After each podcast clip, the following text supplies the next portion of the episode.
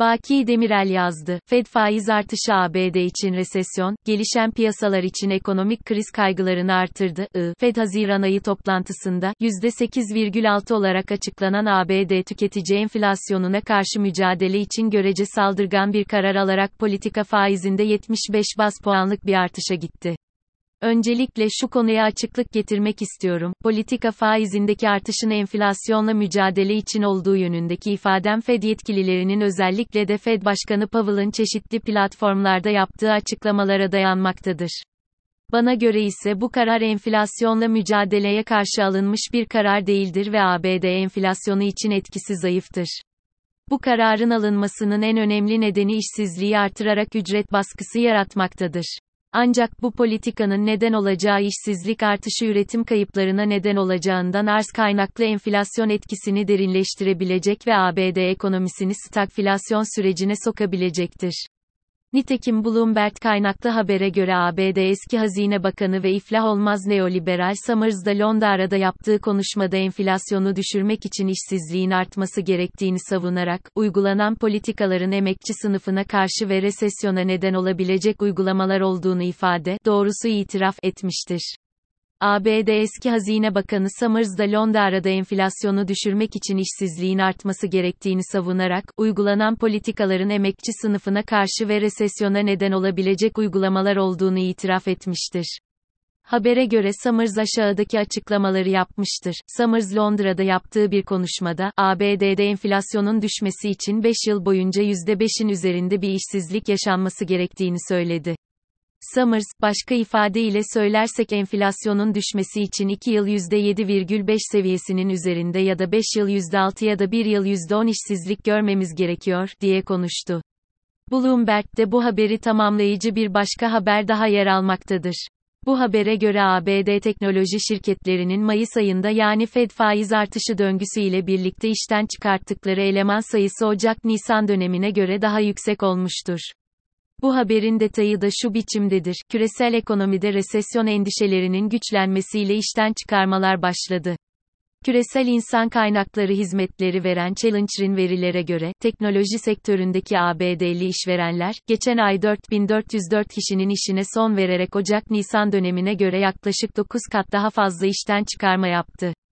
Kripto para platformları, gayrimenkul, finans ve medya sektörleri ile telekom en çok daralma planlayan alanlar, söz konusu haber Fed faiz artışının ABD kredi ve para piyasasını daha fazla olumsuz etkileyebileceği görüşüyle de tutarlıdır.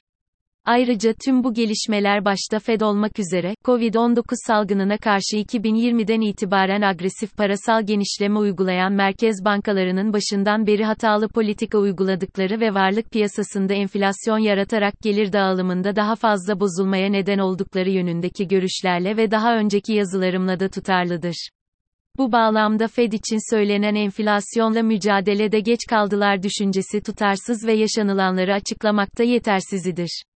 Fed faiz artışı döngüsü ve yaşanılan talep daralması, işten çıkartmaların artması başka sektörlerde de işten çıkartmaları tetikleyecek, talebin daha fazla daralmasına ve üretim kayıplarına neden olabilecektir kredi piyasasının tıkanması ve küçük işletmelerin nakit akımlarını düzenleme konusunda yaşayabilecekleri sıkıntılar iflaslara neden olabileceğinden konut ve dayanıklı tüketim malları piyasasında daha sert daralma ve üretim kaybı toplam talepteki daralmanın ötesine geçebileceğinden ABD ekonomisinde yüksek enflasyon ve yüksek işsizliğin ve durgunluğun yaşanması yüksek ihtimal dahilindedir.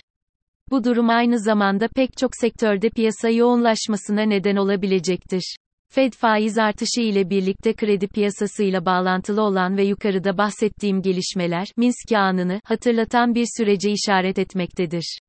Daha açık olarak kredi para piyasasının tıkanması, kredi maliyetlerinin artması ve veya krediye ulaşım zorluğu, nakit akımları borçlarına karşılamakta yetersiz kalan ya da başa baş olan, dolayısıyla kredilerle hayatta kalmaya çalışan firmalar için iflas riskini artırmaktadır.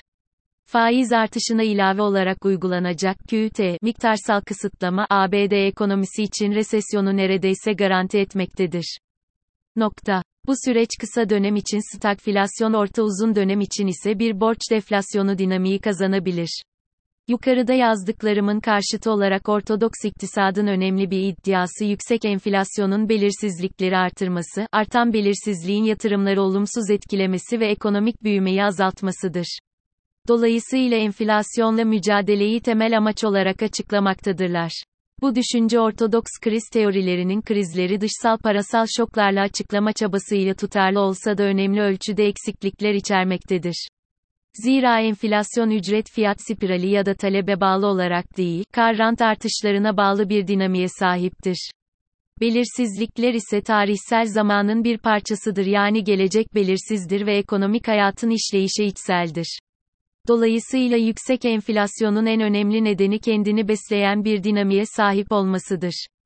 Bu dinamiği yaratan ise ücret gelirlerindeki erime, yoksulluk artışına karşın kar rant artışlarıdır. Sonuç olarak talebi kısmaya yönelik ortodoks desenflasyon politikası yukarıda özetlemeye çalıştığım biçimde resesyon, işsizlik ve tekelleşme sürecine neden olabilecektir. Haftaya konuyu gelişen piyasa ekonomileri ya da aslında daha doğru tabirle çevre ülkeler için ele alacağım. ilgili linkler https www.bloomberg.com eski abd hazine bakani summers enflasyonun dusmesi icin işsizlik yükselmeli 2309194 https www.bloomberg.com abd de isten çıkarmalar hizla Zandi-2309218 https 2 voku.org article how global risk perceptions affect economic growth